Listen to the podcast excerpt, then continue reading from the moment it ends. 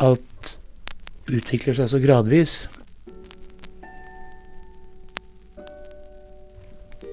Til å begynne med er det ganske enkelt at du vil bli best. Og det er klart, det kreves det en del fanatisme. Det er så mye å lære og så liten tid. Men etter hvert så går det opp for deg at du ikke bare har spesialisert deg i noe. Noe har også spesialisert seg i deg. Du har blitt et redskap, et, et redskap som skjærer penger ut av folk. Eller berømmelse av verden.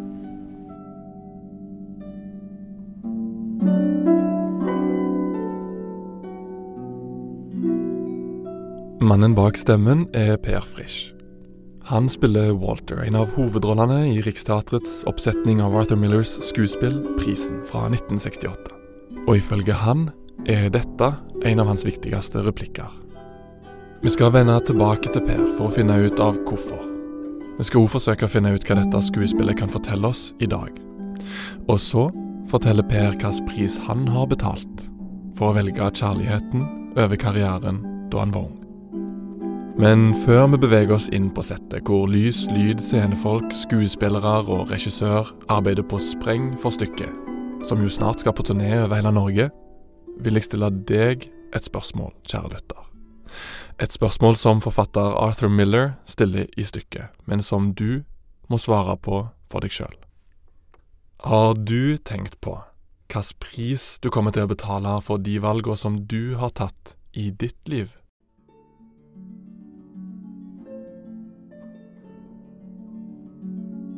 Dette er en podkast for Riksteatret. Tilrettelagt og tatt opp av Lars Kristian Øverland og klippa av Rasmus Spitz. Fra podkastkollektivet Frekvens. Men la oss starte historien med han som er i konstant dialog om hva stykket djupest sett handler om. Dette er regissør Kjetil Bang-Hansen.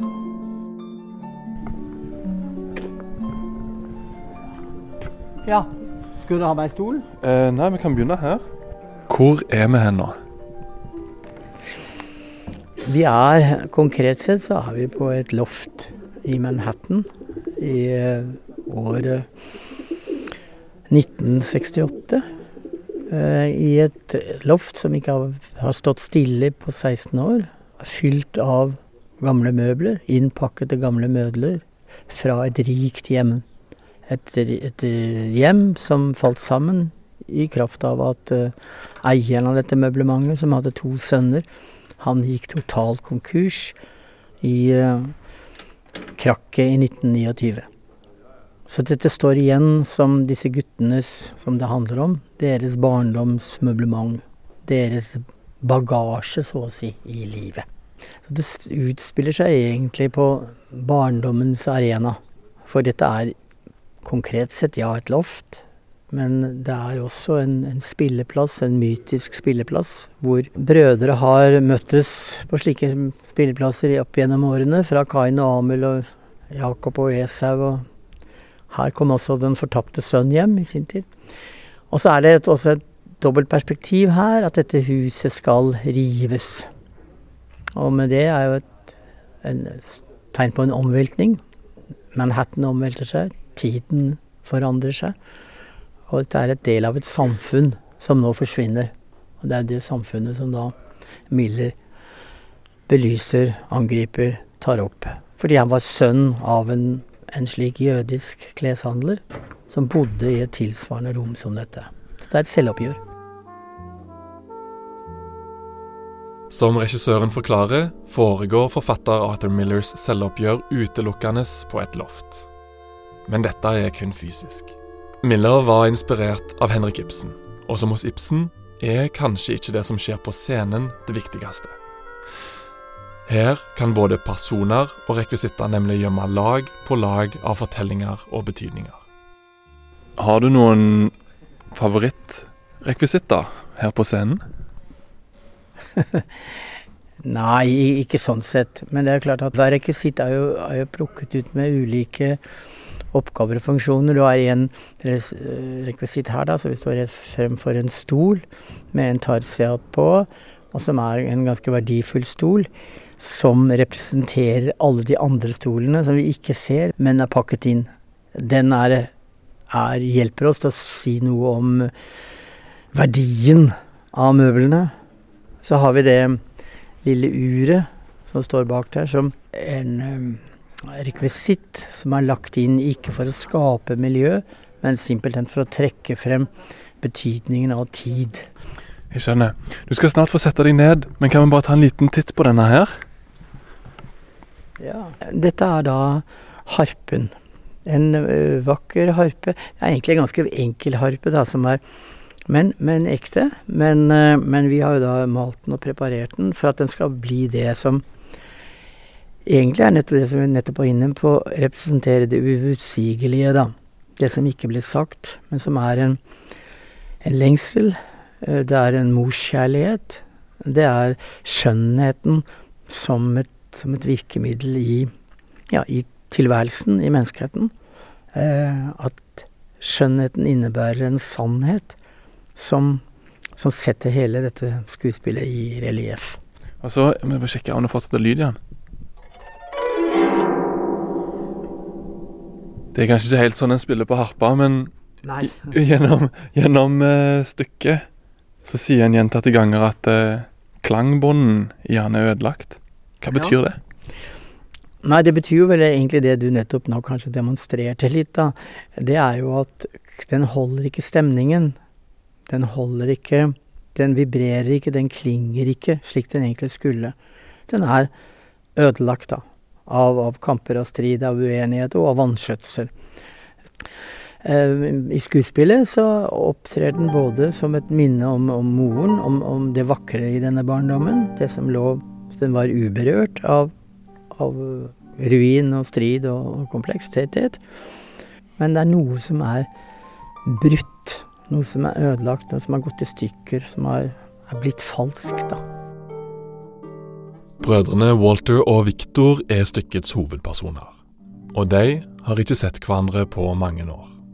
Alle møblene på loftet tilhører deres avdøde far, som en gang var en rik mann, men som gikk fallitt etter børskrakket i 1929. Faren satte seg ned i stolen på loftet og reiste seg aldri igjen. Den gangen valgte brødrene å gå hver sin vei. Walter gjorde seg ferdig med studiene sine og ble en suksessfull og rik lege, mens Victor droppa ut av studiene sine for å ta vare på sin far, med ei beskjeden lønn han kunne tjene som politimann i New York. Og det er Victor som i stykkets begynnelse møter selgeren Solomon. Han skal sette en pris på møblene som endelig skal selges, 16 år etter farens død. For huset skal snart rives ned. Nei, jeg, jeg eier det ganske enkelt. Det er ingen brødre eller søstre med andre ord. Jo, jeg har en bror. Og dere er naturligvis gode venner. Jeg skal ikke bry meg, men Altså, alle er så glad i hverandre, men i det øyeblikk foreldrene dør og boet skal deles, så flyr det katter og bikkjer veggimellom. Ja, det er ikke sånne problemer her. Dette er Helge Jordal og Kim Haugen, som spiller brukthandler Solomon og politimannen Victor. Ja, hvis det bare dreide seg om et par ting, så, så ville jeg ikke ha brydd meg, men ta alt sammen uten et papir. De forsøker å få scenen til å sitte helt perfekt. Ikke bare ordene, men det som ligger under ord, eller subteksten, som Kim Haugen forklarer, mens han setter kaffekoppen fra seg oppå manuset hjemme i stua, hvor lette barneskritt beveger seg over gulvet i overetasjen. Jeg vil si det er den, den eh, På mange måter den tanken du har når du sier en replikk. Hvilken erfaring du har som ligger til grunn for den replikken. Og du kan jo si 'jeg er glad i deg' på hundre forskjellige måter. Hvis, alt fra hvilken, hvilken eh, ja, undertekst, hvilken tanke, hvilken mening du legger i det. Eh, Den rollen jeg spiller, er jo ekstremt opptatt av, eh, av veldig mye annet. For han har så mye jeg holdt på å si, Som Ibsen, så mange uh, lik i skapet og så mange ting han vil skjule, og så mye bitterhet som nå kommer til uttrykk, ikke minst i forbindelse med dette arveoppgjøret, hvor de skal selge alle disse møblene som har stått i 16 år. og Han, skal, øh, han har tatt ansvar ikke bare for møblene, men også tatt ansvar for familien, i motsetning da til hans bror. Det preger han også i veldig mye i forholdet til kona. I stykket er Viktor gift med Ester, spilt av Irén Reppen. Og deres forhold må betale en del av prisen for Viktors valg. Noe som blir klart fra første scene.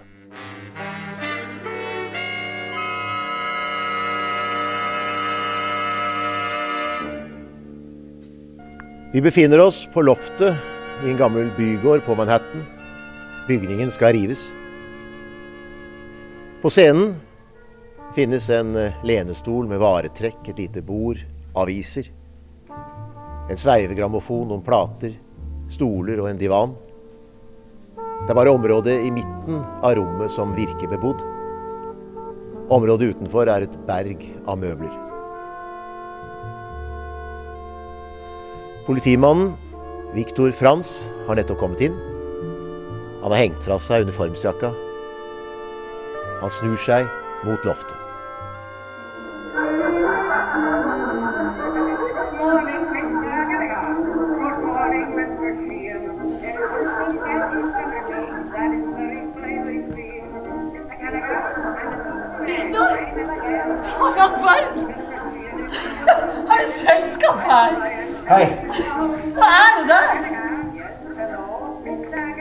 Har du fått deg en drink?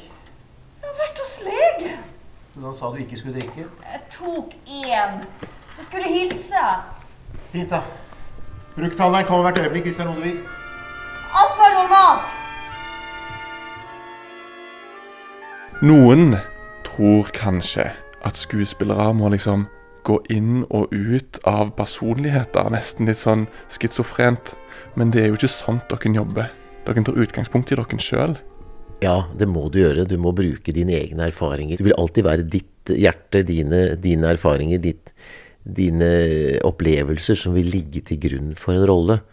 Din humor og min, kan du si, mitt alvor og de, Man bruker jo hele, hele tiden veldig rått på sitt eget liv, for at på den måten skal det virke så troverdig og sant som mulig. Men uh, schizofrene blir man vel ikke. Men man, men man går veldig, veldig opp i disse rollene, så de tar, særlig når de er såpass store, er på scenen hele tiden. Og da er det klart at uh, det krever veldig enormt mye hjemmearbeid. Jeg sitter jo her, stakkars familie, som sier jeg sitter med det manuset mitt natt og dag. Jeg har sittet i to måneder. Men eh, jeg går jo ikke rundt og er politimann i hagen, for å si det sånn. det, det skulle tatt seg ut. Eh, alle normale mennesker har jo sinne og aggresjon i seg. Det er en del av følelsesspekteret som gjør at vi er normale. Og karakteren som du spiller, han har bestemt seg for et verdensbilde og hvordan menneskene rundt han ser ut, som blir kraftig utfordra. Og når det blir utfordra, da gnistrer det fra, fra øynene dine. Hva er det som skjer da? Nei, hva er det som skjer? Nei, jeg er bra provosert av han derre tullingen av en bror som ikke har, som ikke har Altså, jeg syns han er et skikkelig pære. Han er en uh, klyse i mine øyne. Det tror jeg bare Det verste er at han er egentlig ganske sympatisk på mange måter, men han er rik. Han har hatt stor suksess, og et eller annet sted så ligger det også en misunnelse i det. Han har vunnet på en måte prisen. Han har vunnet Ikke mindre så har jeg opplevd min fars beundring for min storebror, fordi han lyktes som eh, en stjernekirurg. Rik, berømt, omsvermet. Alt sto på stell, mens jeg kom ikke videre med å være en, en slags patruljerende politimann. Det, den bitterheten at denne broren min kunne la oss bli igjen i denne fattigdommen og godta det uten å stille opp med mer enn noen få dollar i måneden, det, det har provosert meg og ødelagt mange måter i livet mitt. Så det er, det er veldig mye raseri i det, i det valget han tok. Nå kan du si at alle valg har jo sine Det er jo forskjellige grunner til at man tar de valgene. Det er ikke noe som er svart-hvitt. Og det er det som er så spennende med denne rollen, og disse rollene, og ikke minst Kjetil Bang-Hansens regi, er at de er ikke så lett å vite hvem som egentlig har rett. Det er noe veldig universelt med dette stykket. Det er en grunn til at det er skrevet for lenge siden, men fortsatt blir satt opp. Og i det som blir tatt opp i stykket, kjenner jeg veldig mye igjen i min egen familie. Og det tror jeg alle gjør som ser dette her. Hva tror du publikum kan lære av å gå inn i dette parallelle universet som skal dukke opp på forskjellige steder i Norge? jeg opplever at, det, at sannheten er kompleks. Det er ikke Alt er ikke én til én svart-hvitt. Det er mer sammensatt. Og det er, jo, det er jo ikke en forestilling som ender nødvendigvis bare bra. Det, vi bør ikke fortelle alt som skjer, men det er, det er et forestilling som også har et brudd i seg. Og noen ganger det være, kan det være riktig med et brudd. Eller skal man si noen ganger skal man, skal man også ha muligheten til tilgivelse. For vi har jo dette korte livet, og det er jo liksom dumt å ha bare masse kriger og kamper gående som, som man holder ved like pga. gammel bitterhet og gamle, gamle, motsetninger. Men kanskje man går ut og tenker nei, vi skulle vel Hva om vi lytter til vedkommende en gang til og gir denne muligheten en sjanse? Sånn er det jo også å være menneske. Man gjør feil, og man gjør ting man ikke er stolt av. Og det, det er også en del av det hele. Vi, er, vi har våre klare mangler som menneske.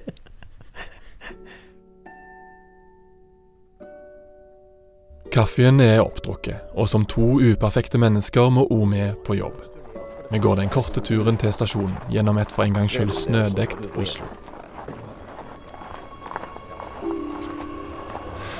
På stasjonen møter vi brukthandler Solomon, eller det vil si Helge Jordal.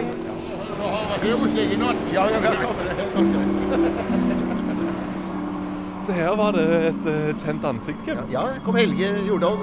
Spankulerende, blid og fornøyd og vår trio følger hverandre til enda en dag med prøver på teater.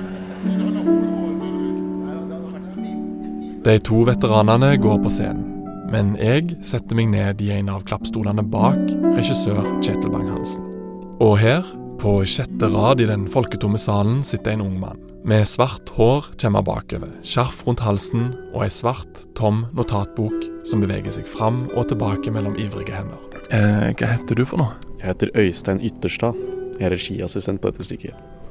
For hver morgen når jeg kommer inn her, da sitter du i, i i klappstolen og venter ja. på de andre. Hva, hva, er det du gjør her? Du, jeg er, eh, har fått det store privilegium å være regiassistenten til Kjetil Bang-Hansen. Jeg er i praksis fra Westerdals og følger denne produksjonen. Jeg overværer prøvene, tar notater og tar de med Kjetil. Så du sitter egentlig og observerer litt drømmen din? Ja, jeg gjør på mange måter det. Og jeg får jo også Det å få jobbe med Kjetil Bang-Hansen er et stort privilegium. Mens Øystein er i begynnelsen av karrieren, kan Helge Jordal se tilbake på en karriere som strekker seg over fem tiår. Han spiller karakteren Gregory Solomon. En 89 år gammel brukthandler som gir stykket humor og et perspektiv som de andre ikke har. Helge Jordal, blir du fortsatt en bedre skuespiller? Eh, det er jo da Det er jo den balansegangen mellom at man blir eldre. Det spørs hva man spiller. sant? Jeg kan jo ikke spille en 18-åring nå lenger og, og slå saltomortale og, og være sant? Så jeg er jo dårligere til det enn jeg var når jeg var 18 år. Men eh, noen sider har jo, har jo en livserfaring nå og vært igjennom masse rart her i livet. Og, og, og, arbeidet skal vi si det, faglig hele tiden. Har vi holdt på med dette hele tiden. Så noen ting kan jeg nok gjøre mye bedre enn jeg noensinne hadde kunnet. Andre ting kan jeg nok ikke gjøre det. Går det an å være konkret om det? Nei, det og akkurat de sidene ved å, å fremstille nyanser med, med, hva som livet kan gjøre med folk, og det er det jo selvfølgelig Vet jo litt mer om enn jeg gjorde når jeg var 20. sant? Og det har jeg også erfart litt sjøl, og så har sett og følt og vært igjennom masse. Så det er klart det har man jo da med seg. Hva er den største prisen du har betalt for nå?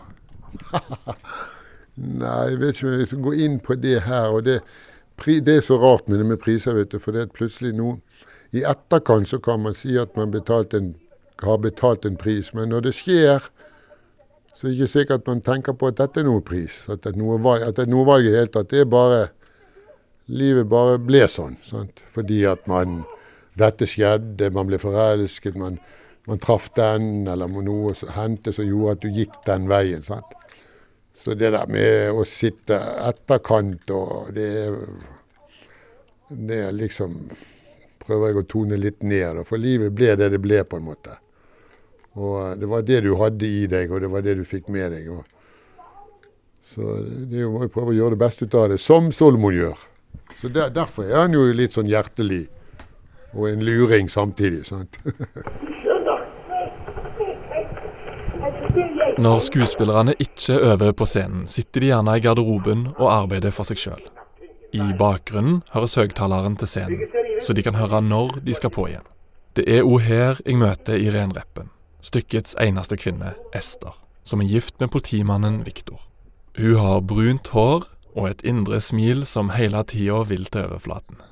Men du, men du sitter nå eh, i en eh, drakt eh, som er rød-rosa, og så har du på deg en, eh, en eh, bluse, rød neglelakk og perlekjeder.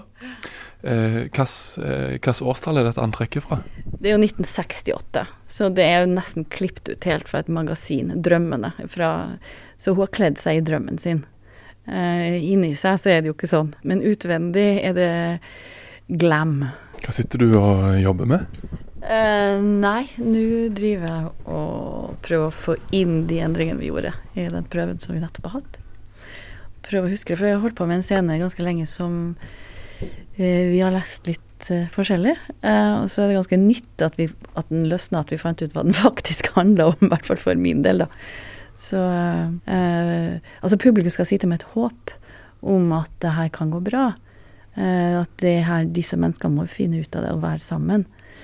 Eh, og den må vi etablere i den første scenen. At eh, Ok, Så forskjellige forståelser av slutten gjør at dere må gjøre om på begynnelsen? Nei, det er vel ikke så enkelt. Det går jo mye på karakterene. Hvem er de, hvilke typer er de, hvilke egenskaper ligger først. Og, eh, jeg driver mye av handlinga, men jeg er ikke drivende i forhold til mitt prosjekt. Jeg er avhengig av hva han gjør for at mitt liv skal bli bedre. Så jeg må via han eh, for å få reparert mitt eget liv. Altså, det blir jo 60-tallets kvinner. Så det står en kvinne bak, liksom, eh, og støtter og pusher og For det gjelder vårt felles liv, da. Og mens du står bak og pusher, så har hun åpna whiskyflaska. ja, ja. Det er jo en slags trøst oppi dette, hele den whiskyen. De har levd på en sånn forventning om at eh, når han pensjonerer seg fra politiet, da skal de jo få, få starte det nye livet. De, er 50, men jeg kjenner meg igjen, jeg er 50 sjøl. Altså, da starter man et nytt liv. Da begynner man å tenke hva nå? Hva er det nå jeg skal gjøre? Det tror jeg er veldig felles for folk rundt 50. Uh, Hold an. Er du 50? ja. Nei, Jo. Du kødder? Seriøst? Nei, ja, jeg er 50 år. Takk skal du ha. Nei, men det handler jo også om at du syns at 50 er et høyt tall. Og jeg syns jo at 50 er et høyt tall. Eh, men samtidig så er det jo eh, 50 er ikke så høyt tall som det var for 50 år siden. Ja, så det er en slags sånn forventning da, når man er 50, at nå skal et slags nytt liv starte. Ungene er ute av redet. Her skal det nye livet starte. Og den fremtidstrua har jo hun. Vi skal inn i det nye, det store, det virkelige livet. For det har vært midlertidig. Det har vært, vi, vi har bare bygd opp et slags liv. For oss har allting vært midlertidig. Det er som om vi aldri har vært. Nei, vi skulle alltid bli.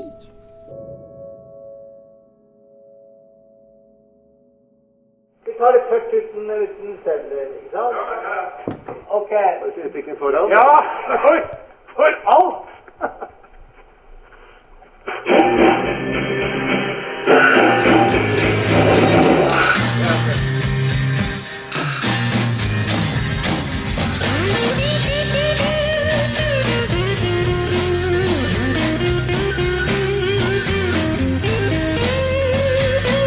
There must be some kind of way out of here. Kanskje fordi alle karakterene lever i fortida, kommer det som et sjokk når Jimmy Hendrix punkterer pausen til andre akt og spør om veien ut. Men låten er tidstypisk. Stykket foregår i 1968. Utenfor loftet på Manhattan er det revolusjon. Krig i Vietnam, og det bestående faller fra hverandre. Ei tid hvor menneskene var forvirra og lette etter en ny retning. For det de har trutt på, har smuldra opp. Akkurat som i 1929 og børskrakket på Wall Street som skapte jordskjelv over hele verden. En eh, uro som har spredt seg til menneskene og tatt bo i Ester, Victor og Walter.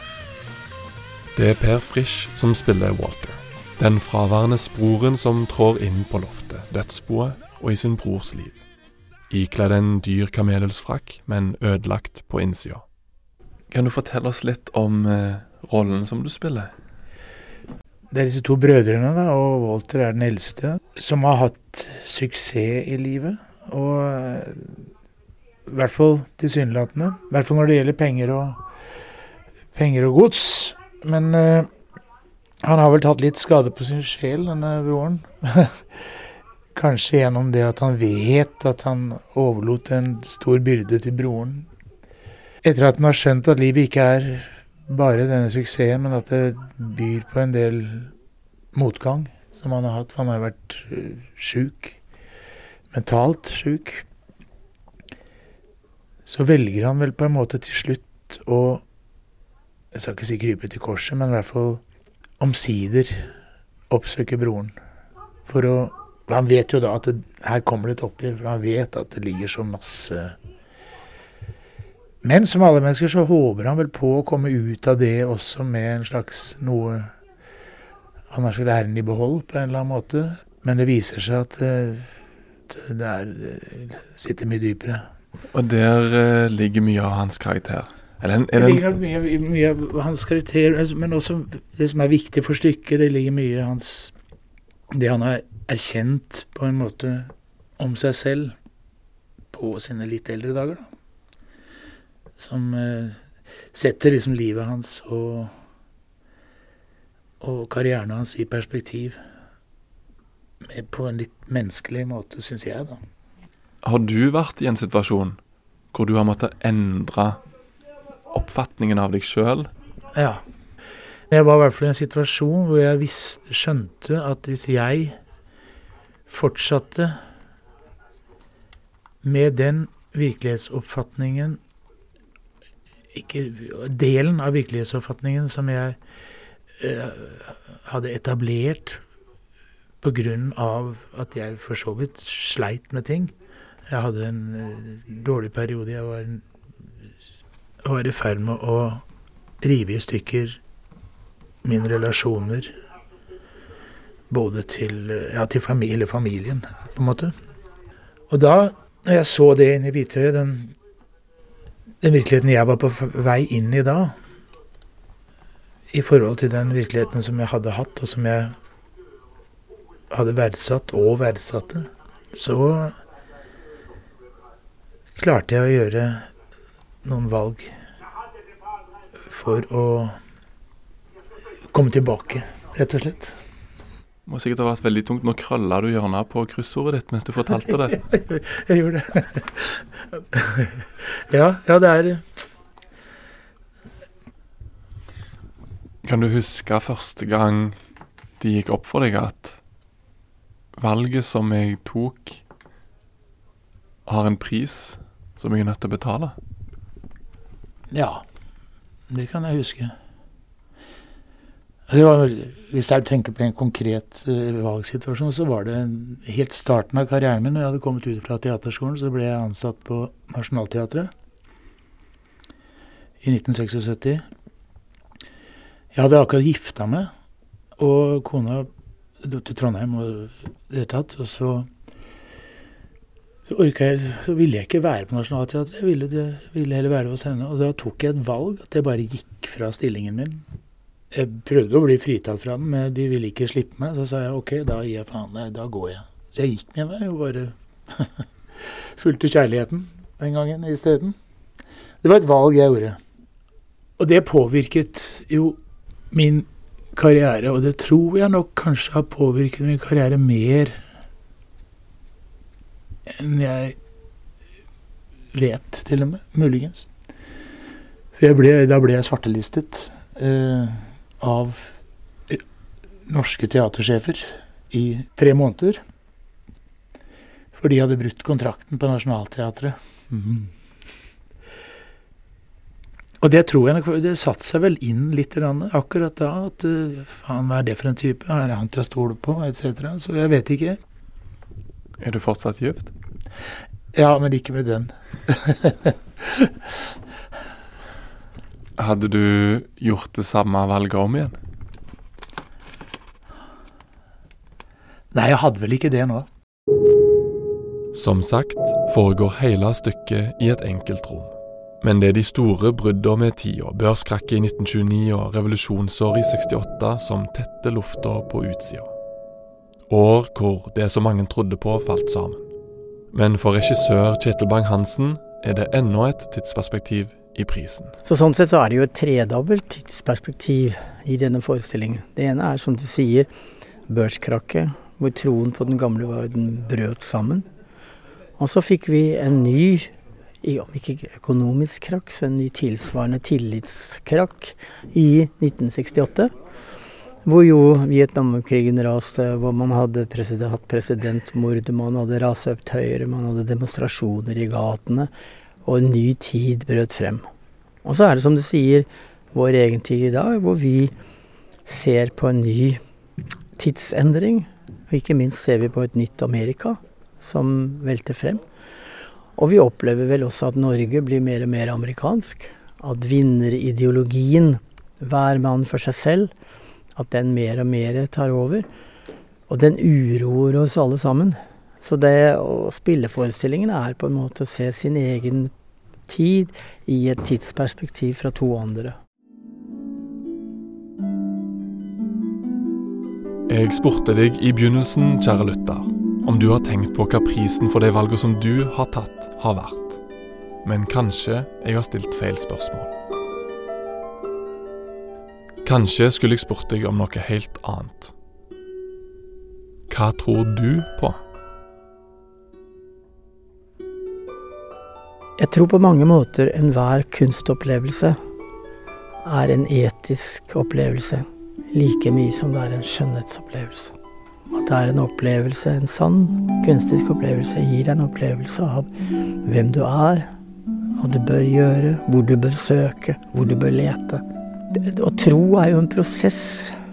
Å tro er jo noe du er enten på vei mot eller på vei fra. Og den, at denne prosessen holdes levende, at vi spiller sånne stykker som, som, snakk, som tar opp etiske problemer, eksistensielle problemer, tror jeg essens er kjempeviktig. Jeg tror vel enhver må, må finne sin tro. Jeg tror innerst inne så tror jeg at det å leve er å, å søke en tro. Du har lytta til Riksteatrets podkast, hvor vi har forsøkt å henge med på den evige dialogen rundt oppsetningen av stykket Prisen. Riksteatret er hele landets teater og spiller på 70 kulturhus over hele Norge.